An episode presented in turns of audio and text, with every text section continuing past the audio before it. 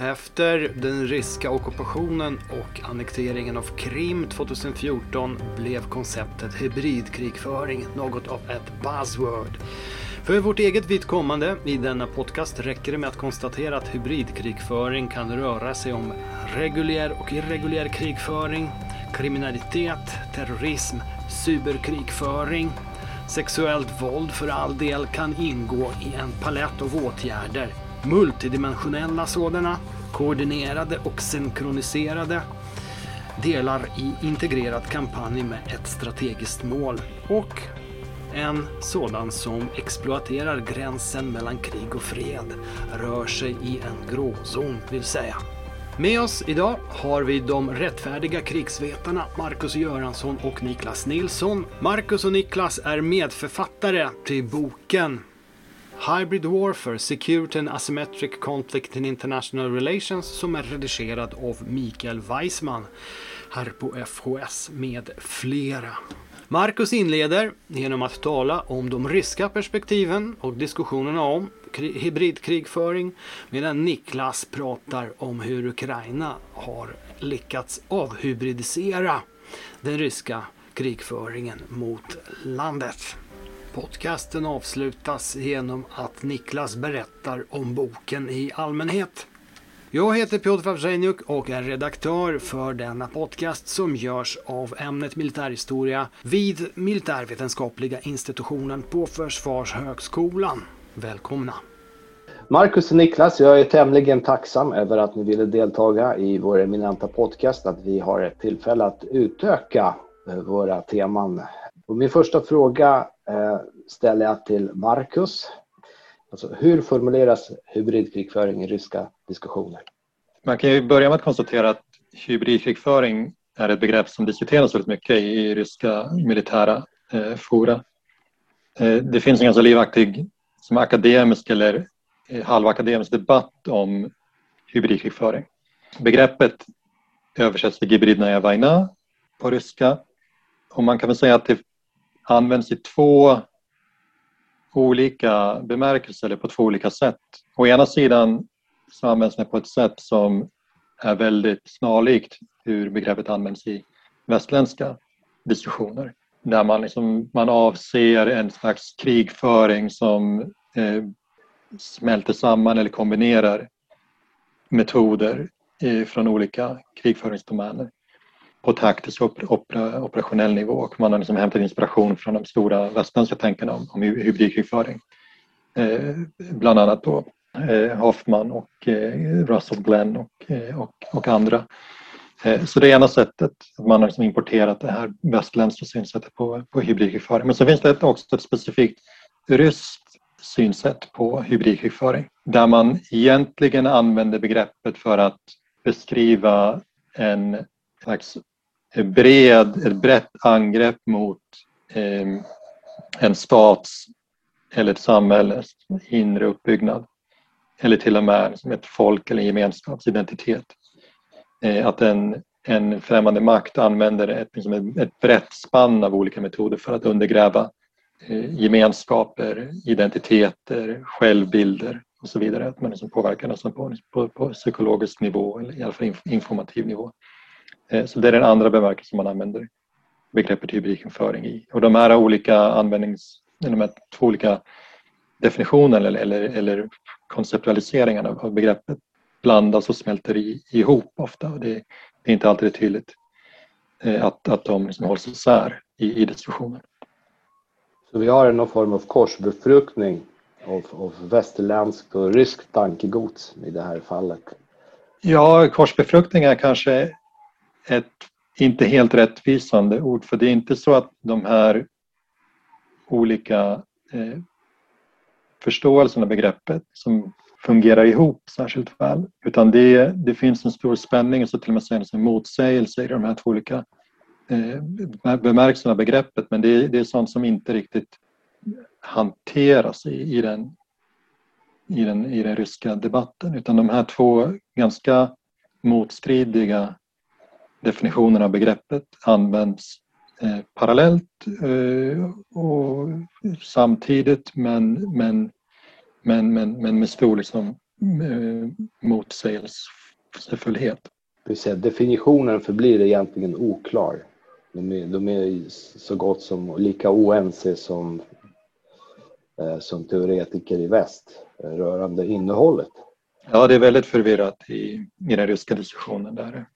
Eh, och det kan till och med vara så att i en och samma text av en, av en framstående rysk teoretiker så kan teoretikern definiera ordet hybridkrigföring på ett sätt som, som, som minner om, om, om västländska definitioner av hybridkrigföring. Men så tillämpas eh, begreppet på ett helt annat sätt i själva eh, analysen i den texten. Så att det är eh, den, den, om man så kallar det, den intellektuella stringensen i, i, i den akademiska debatten om hybridkrigföring i, i, det ryska, eh, i ryska tidskrifter är inte alltid så jätte, jättehög. Men låt oss då gå närmare in på vad våra ryska skribenter skriver. Vem ägnar sig åt hybridkrigföring i den ryska tolkningen? Vem utövar den? Det är nästan uteslutande västländer och framförallt USA. Och det, man kan ju säga att i, i ryska militära diskussioner så är det alltid nästan väst som är motståndaren eller fienden.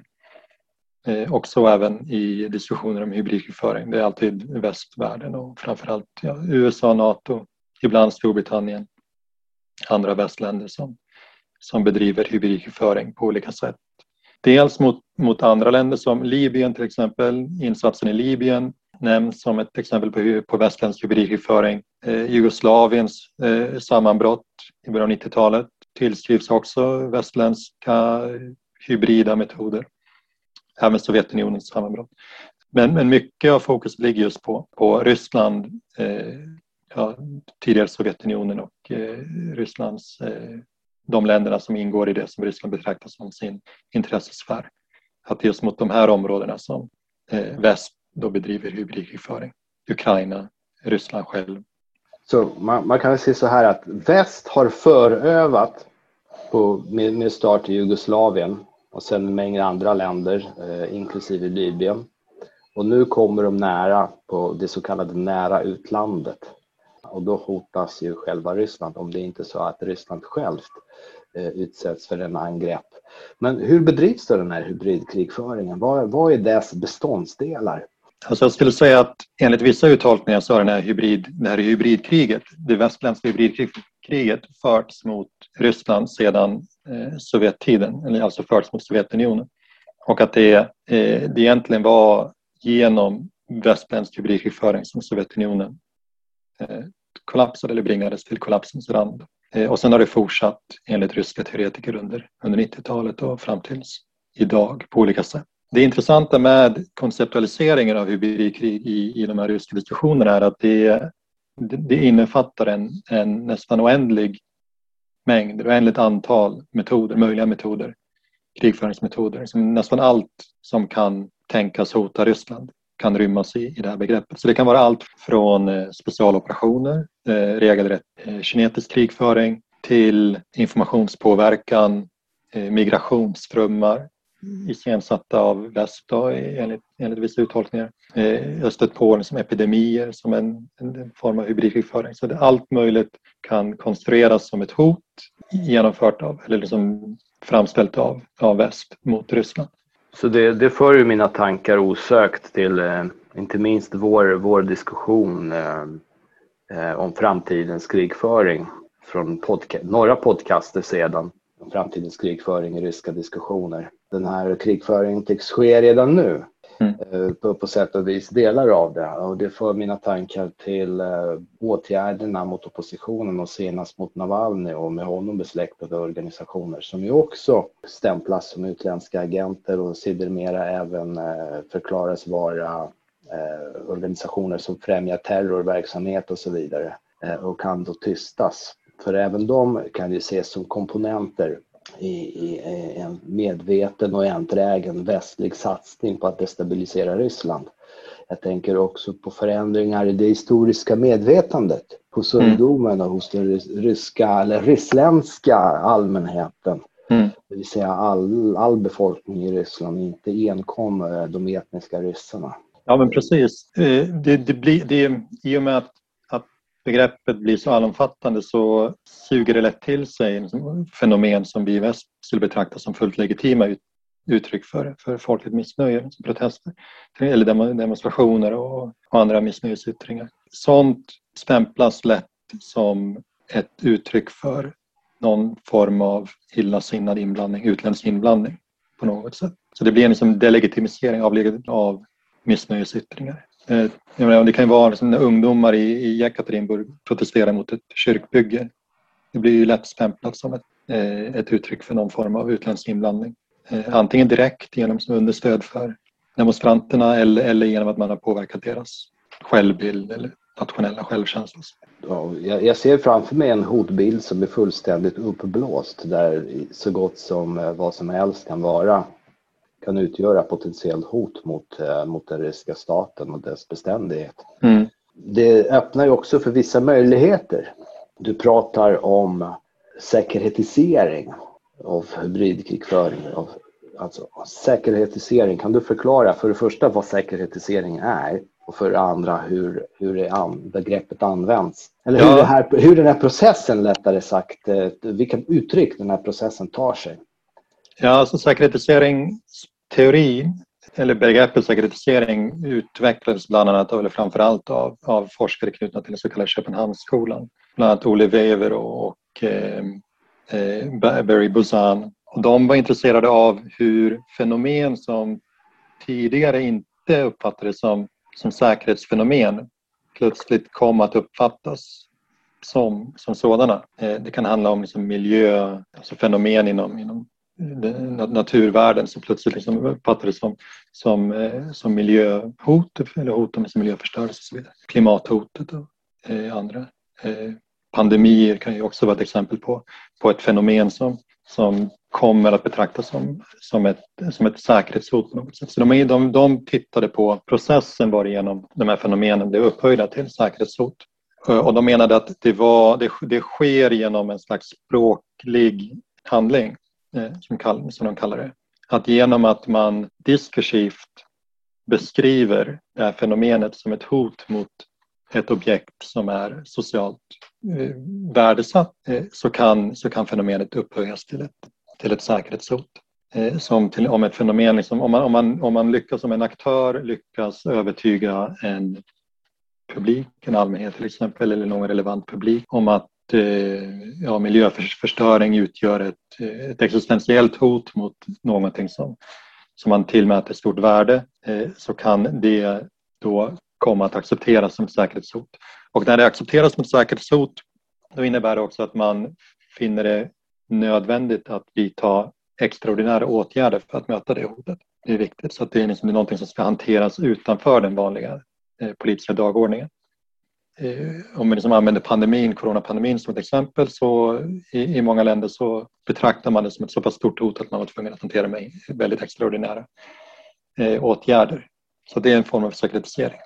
Eh, och min poäng med att använda det här begreppet eh, på den ryska diskursen om, om hybridkrigföring är att, liksom, att när man an, hybridkrigföring, hybrida är ett begrepp som möjliggör att man stämplar en väldigt lång rad fenomen som potentiella säkerhetshot. Allt från som sagt epidemier till, till folkliga demonstrationer, icke-statliga organisationer men, men, men MR-föreningar eh, och så vidare som möjliga säkerhetshot.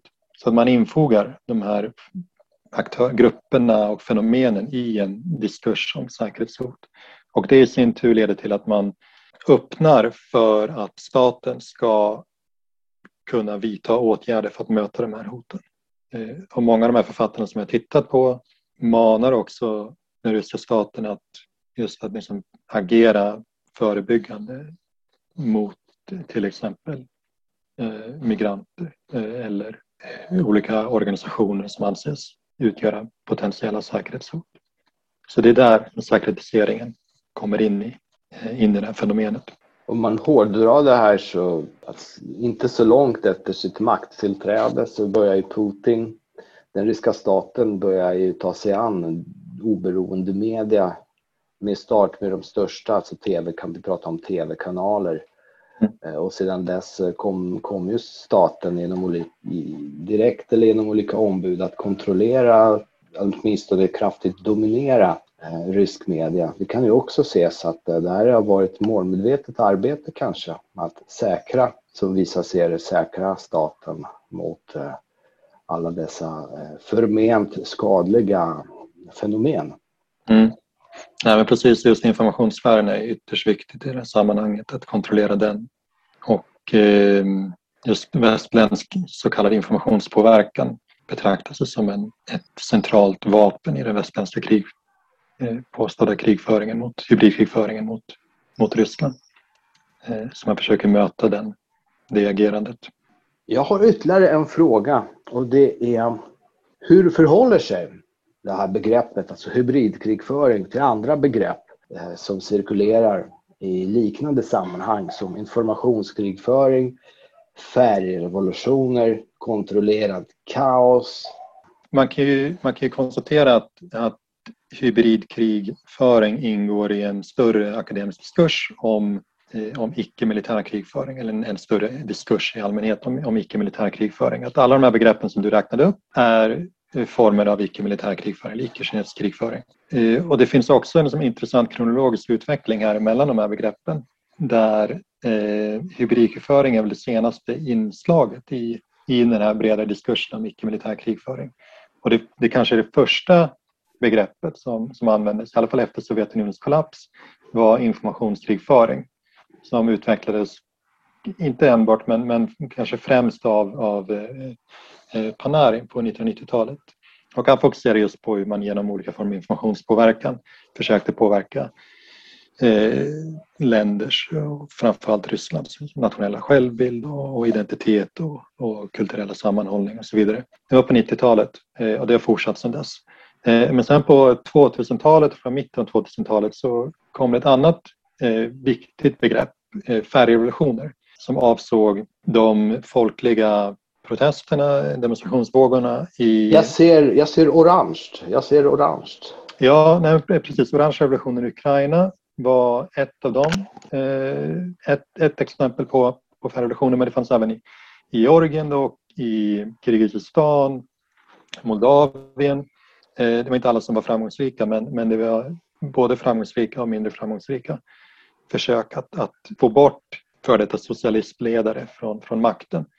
Eh, även i Serbien eh, var det ett exempel på ett sånt, sån typ av revolution när Milosevic avsattes. Så det började som ett, ett, ett, beskrivande begrepp för, för de här demonstrationerna men i den ryska diskursen så fick det snart betydelsen av en slags västerländsk kampanj för att skapa regimskiften i, i, i före detta eh, socialiststater på eh, mer eller mindre icke-våldsam väg. De här, de här demonstrationerna var ju till övervägande del icke-våldsamma. Även om det fanns inslag av våld förstås. Eh, och då när begreppet och färgrevolutionen blev, fick betydelse av försök genom, genom att manipulera massor med informationspåverkan men också med, med eh, agerande från, från eh, olika NGOs. Man liksom skapade eh, protestvågor som, som ledde till regimskiften. Och, och det begreppet har sedan använts för att försöka förklara arabiska våren bland annat också. Men efter det begreppet så, så dök då hybridkrigföring upp i den ryska diskursen. Just i den bemärkelsen av bred palett av metoder för att Eh, påverka den inre sammanhållningen i en, i en stat. Och det finns en slags eskalering mellan de här begreppen som liksom informationskrigföring täcker in mycket men inte allt och färgrevolutioner täcker in informationskrigföring och en del annat. Agerande från, från NGOs och så vidare. Och sen hybridkrigföring täcker in nästan allt som kan, kan tänkas utgöra ett hot eh, mot en stat. Så det finns en utvidgning i, i, i, i vad de här begreppen omfattar och det är intressant att, att, att konstatera. Och hybridkrigföring också är intressant så tillvida att det försöker foga ihop både icke-kinetisk eller icke-våldsam krigföring med kinetisk militär krigföring.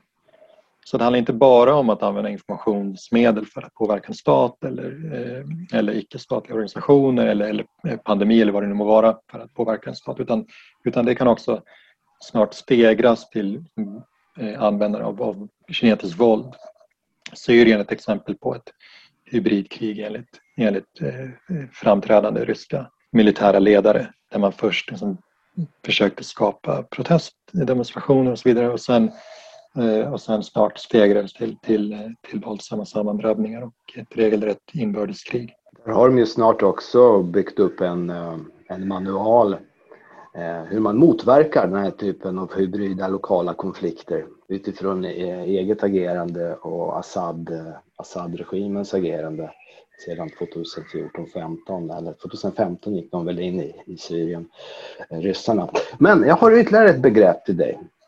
För att jag är, ju, jag är precis som du en, en trogen läsare av, av många ryska tidskrifter och i synnerhet min favorittidskrift Krigsindustriella Kuriren, Vajenno Promyslony Kurier. Och där ser jag ju eh, bland annat hos tänkare som, som du eh, hänvisar till i, i, din artikel i boken, eh, som Alexander Bartosz, tämligen produktiv man, termen femte kolonn användas. Den femte kolonnen som, som jag tycker har liksom ökat eh, markant i användning sedan tidigare år. Ja, jag har väl följt det här sedan ja, 2015, 2016 i alla fall. Eh, har du någon kommentar på det här med, med, med den, den, femte kolonnen och det här begreppets funktion? Ytterligare, ytterligare ett sätt att skruva till eh, den säkerhetiseringsprocessen. Eh, ja, alltså de här begreppen som, som vi diskuterat de lämnar ju inget utrymme för legitima missnöjesyttringar i, i Ryssland. Och det finns ju gott om folkligt missnöje i Ryssland som allt mer riktar sin udd mot regimen och regimens högsta topp, alltså presidenten Vladimir Putin. Och de missnöjesyttringarna kan inte förklaras inom den här världsbilden på annat sätt än som utslag för, för eh, någon form av västländsk eller utländsk påverkan.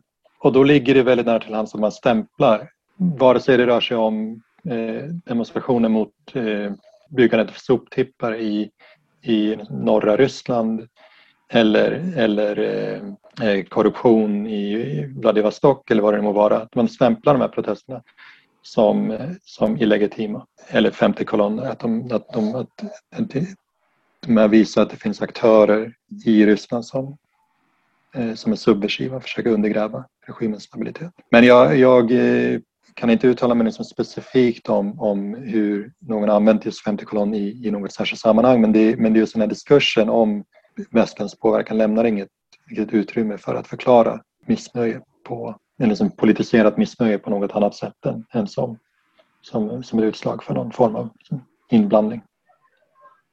Jag tänkte välkomna Niklas Nilsson till, till vårt samtal. Han har suttit så tålmodigt och, och väntat medan jag har pladdrat iväg och Marcus har försökt skapa ett konstruktivt samtal här. Låt oss börja med, med någon form av historisk kontext. Vi går tillbaka till 2014. Eh, du menar att ryska metoder som de användes i Ukraina 2014 var en brytpunkt eller åtminstone en väckarklocka för väst. Varför sov väst? Och vad hände vid den här tiden? Ja, nej, men jag tror att man kan se eh, händelserna i Ukraina i samband då med, med Majdan-revolten eh, eh, som en eh, och, och om man säger den ryska reaktionen på det i form av annekteringen av Krim och senare eh, kriget i östra Ukraina som en, som en väckarklocka. Jag menar, det är, det är ju ganska, eller det är ganska uppenbart att det var, var så i och med att eh, Eh, om man säger säkerhetspolitiken och uppfattningen om säkerhetshot, risken för konflikter som handlar om territorium liksom, eh, snarare än, än eh, eller, återgången till någon sorts hotbild som liknade kalla kriget är någonting som, som man blev medveten om runt om i västvärlden efter 2014 och det har ju även påverkat liksom, säkerhetsstrategier, försvarsbudgetar och så, och så vidare. Men varför, varför var det så? Ja, det är en väldigt bra fråga Piotr eftersom det har ju funnits eh, andra signaler ända sedan slutet på 00-talet egentligen om att eh, Ryssland är på väg i en riktning där man är beredd att eh, Eh, bevaka sina intressen, eh, i, särskilt i det nära utlandet men, men internationellt eh, överhuvudtaget med militärt våld om, om man anser att det är nödvändigt. Och där är ju kriget i Georgien 2008 det mest flagranta exemplet.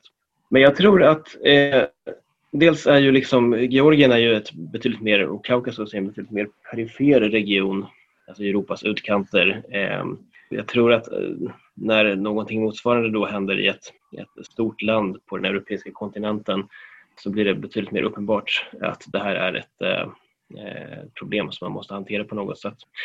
Eh, för de som minns så fanns det ju en, eh, jag menar, den svenska försvarsberedningen kallade ju före 2008 eh, Rysslands agerande i Kaukasus som ett, ett lackmustest för vilken, vilken väg eh, Ryssland var, var, var, på väg. Så blev det inte, eller så behandlade man inte eh, händelserna 2008 utan jag tror det fanns en stark vilja att, att eh, så att säga, gå tillbaka till en normal relation. Det fanns också en, en idé på särskilt på 90-talet kanske, liksom, om att länderna i den här regionen är eh, inne i en, en transition eh, samma gäller för Ryssland. Ryssland kommer på sikt då att utvecklas mot en, eh, ja, men liksom en, en demokratisk eh, marknadsekonomi och så vidare. Jag tror att det också har färgat hur man har, hur man har uppfattat och liksom tolkat eh, utvecklingen.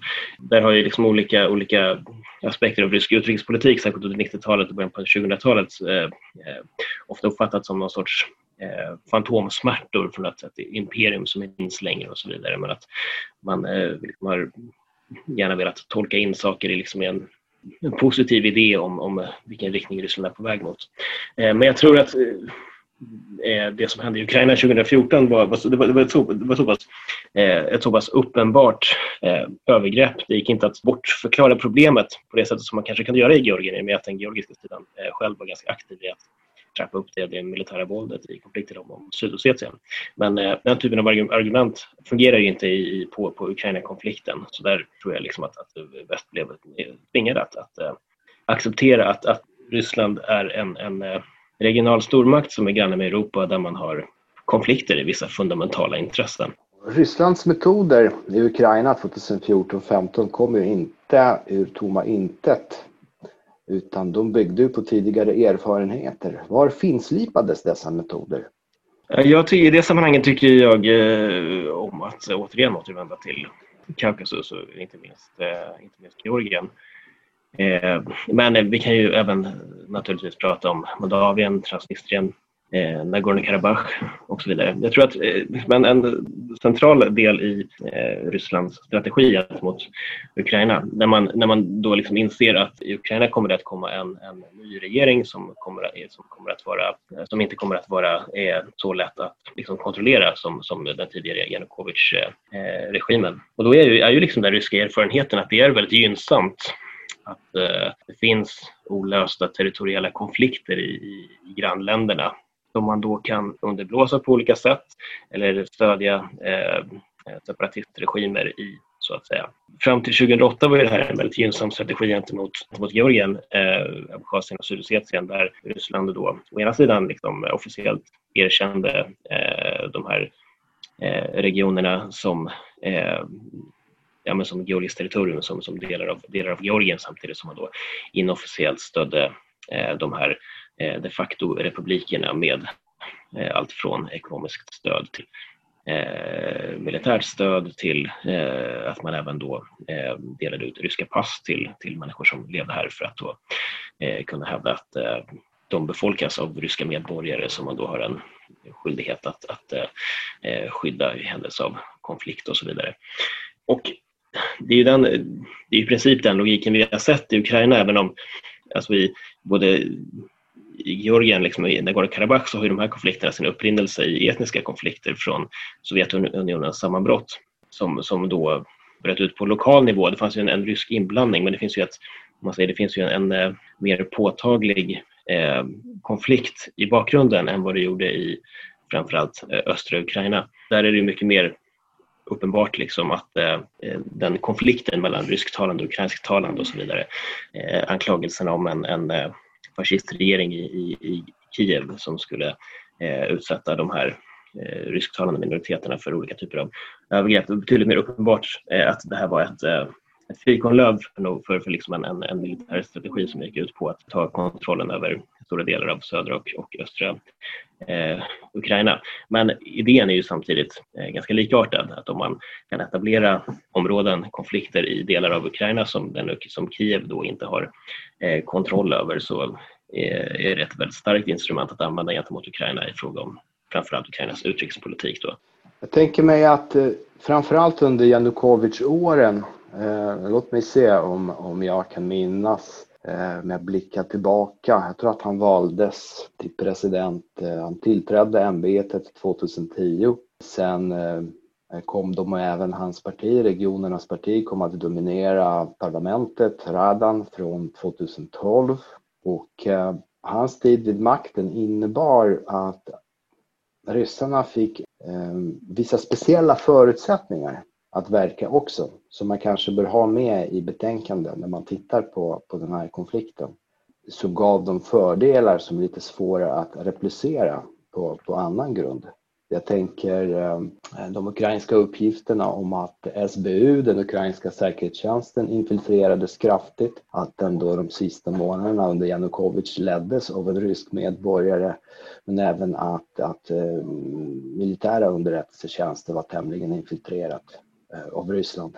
Eh, så det måste ha gett dem vissa speciella förutsättningar ändå att, att eh, verka i Ukraina och paralysera de ukrainska motåtgärderna.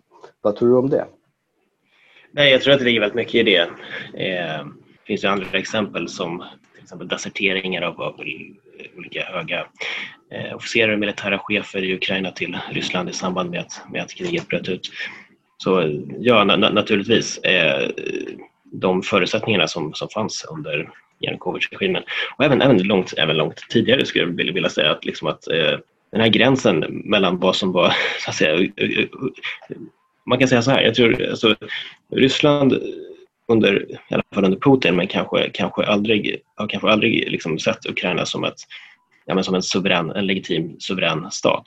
Eh, utan eh, man har alltid haft en, en, eh, idé om att det är viktigt, alltså vad som händer i Ukraina är viktigt för Ryssland. Ryssland har ett legitimt intresse av att eh, blanda sig i Ukrainas inre angelägenheter på ett, på ett mycket konkret sätt, då, bland annat genom att, ja, genom att, att infiltrera politiken, eh, militären, säkerhetstjänster och delar av näringslivet och så vidare. Eh, så definitivt, det här är förutsättningar som har funnits som, som redan fanns där när Ukraina blev självständigt och som sen i princip inte har förändrats. Och det är naturligtvis ett verktyg som är mycket, har varit väldigt användbart under det som hände från 2014 som man väl kan se som ett mer intensivt stadium av Ukrainas frigörelseprocess från Ryssland. Om vi just fokuserar på de här kritiska månaderna 2014, hur såg de ryska hybrida åtgärderna eh, mot Ukraina ut? Ja, alltså det, det börjar med annekteringen. Eh, man, man börjar, det börjar liksom med annekteringen av, av Krim som är, som är en väldigt speciell operation i en väldigt speciell kontext. Det här är ju liksom en, en region där Ryssland redan har en eh, väldigt stark militär närvaro på grund av, av flottbasen i Sevastopol. Och eh, eh, stora militära förband på plats. En stor del av befolkningen som antingen är ryska medborgare eller är rysktalande och eh, genomgående en, en eh, ganska positiv inställning till, till, till Ryssland, vilket gör att man kan genomföra den här operationen väldigt snabbt och utan att eh, varken eh, regeringen i Kiev eller eh, någon av Ukrainas partners i väst egentligen hinner reagera på vad det är som är på väg att hända på marken. Men de här speciella förutsättningarna är ju också att, att eh, alltså, Krim-operationen är något väldigt speciellt liksom, som skulle vara väldigt svårt att eh, replikera på de flesta andra platser i, i närområdet eller i världen. Det som händer sen är ju det så kallade projekt Novorossiya som eh, som är en, en ganska koordinerad operation från Kreml under, under Putins eh, tidigare rådgivare Vladislav Surkov som syftar till att dels mobilisera eh, med, med liksom dolt stöd då av, av liksom ryska eh, underrättelsetjänster och så vidare. Syftar till att mobilisera lokala, eh, lokal separatism liksom i Ukraina. Personer som är eh, Eh, misstänksamma mot den nya regeringen i Kiev och eh, men även att, att liksom skapa en bild av att den här rörelsen är mycket större än vad den egentligen är. Alltså, man eh, startar liksom lokala råd på olika platser där man liksom har eh, möten om att utropa självständighet för olika regioner, Bessarabien, eh, eh, ett antal andra eh, platser. Man har journalister som anställs för att eh, rapportera om liksom, massdemonstrationer där det egentligen inte finns några och så vidare. Så att, eh, det är också en, en eh, eh kampanj för att, för att eh, sätta en, en bild av att den här liksom, konfl eller att konflikten i, mellan, mellan eh, ryskspråkiga och icke-ryskspråkiga grupper i liksom, östra och södra Ukraina är betydligt större än vad den, vad den egentligen är och så underblåsa den på det sättet.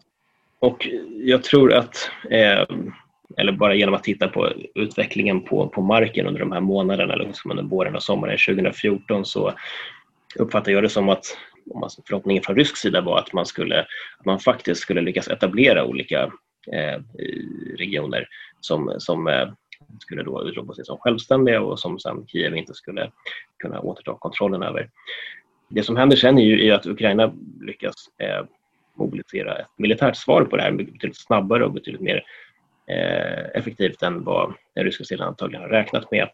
Eh, där man då eh, med hjälp av inrikestrupper och, och militär då desarmerar och, och slår ner de här separatiströrelserna eh, och även då framåt sommaren 2014 börjar hota de här mer etablerade fästena i Donetsk och Luhansk på ett sätt som gör att Eh, den ryska sidan ser sig tvingade att skicka in eh, reguljära militära styrkor. Även om man inte gör det officiellt och man hävdar att det här är terror och så vidare så är det ju regelrätta bataljonsstridsgrupper man skickar in för att skydda de här eh, områdena i Luhansk och Donetsk som man har etablerat kontroll över, liksom utropat till eh, folkrepubliker. Eh, och då eh, ser man ju under sommaren någonting som mera liknar ett regelrätt eh, alltså ett regelrätt manöverkrig egentligen, liksom där ukrainska och ryska eh, mekaniserade förband slåss mot varandra, vilket sen då så småningom stagnerar till en, en eh, ganska eh, tydlig frontlinje som, som eh, är vad vi ser än idag, där eh, ukrainska förband är nedgrävda i skyttegravar och den andra sidan som då består av en blandning av eh, lokala separatister och eh, eh, ryska styrkor, eh, volontärer eh, och så vidare. Eh, står på den andra och det här är, ganska, ganska, det är relativt statiskt. Eh, man skjuter regelbundet på varandra med artilleri, prickskyttar och så vidare men det händer ganska lite. Eh, ingen sida är egentligen intresserad av att avancera i någon, någon, större omfattning för att kostnaderna av det skulle vara alltför stora. Din texts huvudtes är att Ukraina utvecklade framgångsrika metoder för att avhybridisera konflikten. Och du har ju antytt här precis hur eh, en av de här metoderna såg ut, nämligen den militära responsen. Kan du beskriva helheten av den ukrainska responsen för att avhybridisera konflikten? Jag vet inte om jag har uppfunnit en, en rätt svensk term. Jag tycker avhybridisering är Eh, jag tycker att det är en, en, en, ganska bra term. Och det kan ju låta då som att, som att det här är resultatet av en väldigt alltså medveten och genomtänkt ukrainsk strategi för att möta det här hotet. Så, så tror jag inte att det var, utan jag tror att det här är olika ad hoc-lösningar. Man gjorde vad man kunde med det, med det man hade när man hamnade i den här situationen som, man, som Ukraina var, alltså var totalt oförberedd för eh, eh, vintern, våren eh, 2014. Man kunde ställa upp en, en eh, armé som på, på pappret bestod av eh, någonstans uppemot 200 000 soldater så var det väl ungefär 5 000 som kunde mobiliseras med, med ganska bristfällig utrustning och så vidare. Eh, så man var totalt oförberedd för det här men eh, poängen med det här hybrida angreppet är ju att det, det rör sig någonstans i eh, gränslandet mellan, mellan krig och fred tanken från början i den ryska strategin var ju att det inte skulle gå att identifiera eh, säkert som ett, som ett eh, militärt angrepp utifrån så att säga utan det här skulle framstå som en, eh, ett, ett eh, inhemskt uppror i Ukraina, liksom, olika separatiströrelser. Eh, och om det då var ett, ett inbördeskrig så skulle det ha helt andra Eh, konsekvenser för, för Ukraina och för Kievs möjligheter att, att hantera det här angreppet än om det är ett, ett angrepp utifrån. Eh, och Ukrainas strategi har gått, väldigt mycket gått ut på att dels att tydliggöra att det, är, eh, att det här är ett ryskt angrepp. Man har eh, dels eh, alltså behandlat det som ett externt angrepp genom att, genom att agera militärt på det sättet som man har gjort. Eh, man har också varit väldigt noga med att, att visa upp modern rysk krigsmateriel som man då slår ut på, på stridsfältet erövrar eller, eller på andra sätt. För att kunna visa både för den egna befolkningen och för omvärlden att, att det här är, det är, liksom, det är en extern fiende man, man möter. Det här får också konsekvenser för möjligheten att, ja, att mobilisera den egna befolkningen. Liksom. Det är ju en helt annan sak att berätta för människor att vi bekämpar separatister i östra Ukraina eller att, eller att vi, vi är angripna av en, av en extern fiende så att säga. Och även gentemot, gentemot omvärlden. Omvärlden blir ju tvungen att agera på ett helt annat sätt om det här är ett, eh, så att säga, ett, ett brott mot folkrätten som, Ryssland, som, som begås av, av Ryssland eller om det liksom är någonting som ett inbördeskrig som bör hanteras inom, Eh, inom Ukrainas gränser och där i så fall även, även eh, Ryssland skulle kunna vara en, en logisk eh, medlande part i en sån konflikt.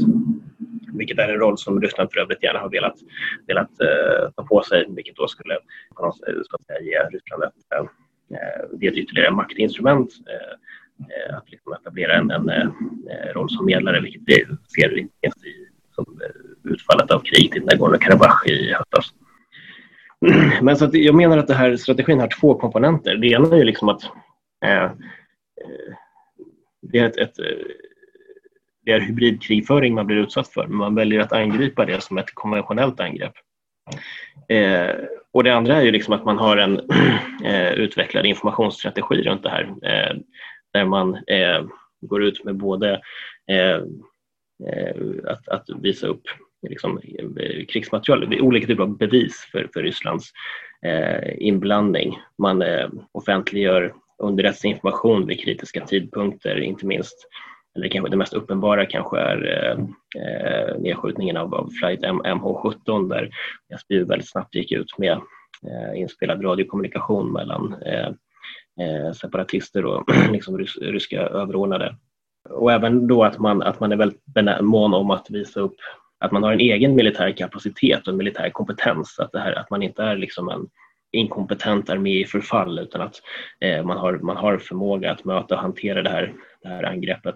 Vilket då är ett sätt att bemöta ja, men den ryska sidans eh, propaganda om, om eh, att den ukrainska liksom, armén dels är, dels är inkompetent och dels är så att säga, okontrollerad och begår, begår övergrepp mot civilbefolkningen och, och så vidare. Och det intressanta är väl liksom att om vi ser, alltså om vi ser hybridkrigföring som en liksom holistisk strategi där man utnyttjar militära, ekonomiska, så att säga hårda maktmedel och sen förstärker dem med olika typer av informationsoperationer eller liksom narrativ för att, så att säga, förstärka betydelsen eller förståelsen av dem så är ju Ukrainas eh, det svaret eller det försvaret som Ukraina har utvecklat ett exempel på någonting motsvarande. Det vill säga att man eh, både utvecklar liksom en en hård fysisk kapacitet att möta ett angrepp och sen eh, förstärker eh, förståelsen och betydelsen av det genom att utveckla strategier för att, eh, för att kommunicera vad det är man gör.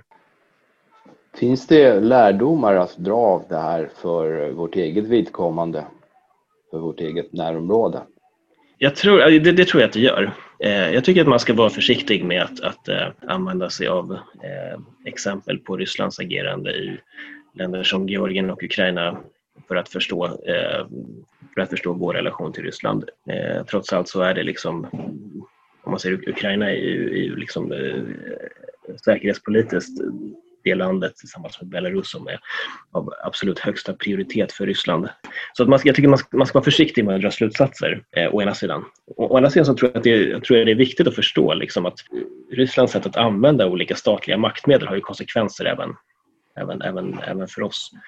Jag tror också det är viktigt att, att förstå alltså den, den säger, hybridkrigföringsstrategi eh, som, som eh, Ryssland då tillämpar både sitt när, närområde och gentemot väst. Som att det är, det är eh, holistiskt. Eh, saker och ting hänger ihop. Vi kan inte se Rysslands eh, uppbyggnad av sin militär som separerat från till exempel kapacitet för informationsoperationer eh, eh eller cyber, cyberkrigföring det är en, en palett av olika typer av eh, påverkansmedel som kan användas, på, användas och kombineras på olika sätt beroende på eh, vilken eh, motståndare det är man, det är man vill, vill påverka. Och eh, om man säger att eh, för om man säger för Sveriges del så är ju inte om man säger hotbilden som, som vi har att hantera i relation till Ryssland ser inte likadan ut som, som för Ukraina. Däremot finns det, eh, det finns principiellt gemensamma nämnare och vi måste så att säga, vi måste tänka ut och hantera vad det här innebär i, i vår kontext eh, och vilka, vilka sårbarheter som finns i, i vårt samhälle eh, gentemot den här typen av, av agerande från, från, eh, från rysk sida. Niklas, kan du berätta lite om den nya boken där både du och Marcus medverkar och som du är även medredaktör till? Eh, det här är alltså en bok som har tillkommit som ett, eh, eller det är ett, det är ett eh, projekt där vi har försökt lyfta frågan om hybridkrigföring till en nivå som är relevant både för akademiker och praktiker. Och det som vi framförallt har velat göra är att ta den här diskussionen vidare från en diskussion om koncept som är både ganska komplex och eh, inte direkt avgjord till att diskutera mer konkret vad hybrid, dels vad hybridkrigföring och hybrida hot kan innebära, eh, men också hur eh, de kan hanteras. Så det här är då ett samarbete mellan författare som är akademiker och, och praktiker. Vi har flera personer med ganska ingående erfarenhet från förvaltning och andra statliga verksamheter. Och vi har kapitel som dels handlar om olika typer av tematik i samband med det här, men också ett antal eh, kapitel som behandlar olika fallstudier. Så det är en, en eh, bok som är förhoppningsvis då användbar för en bredare publik utanför, eh, utanför akademin och där vi har försökt producera någonting som är en konkret och tillgänglig diskussion med ett antal exempel på den här problematiken som har varit väldigt aktuell sedan 2014.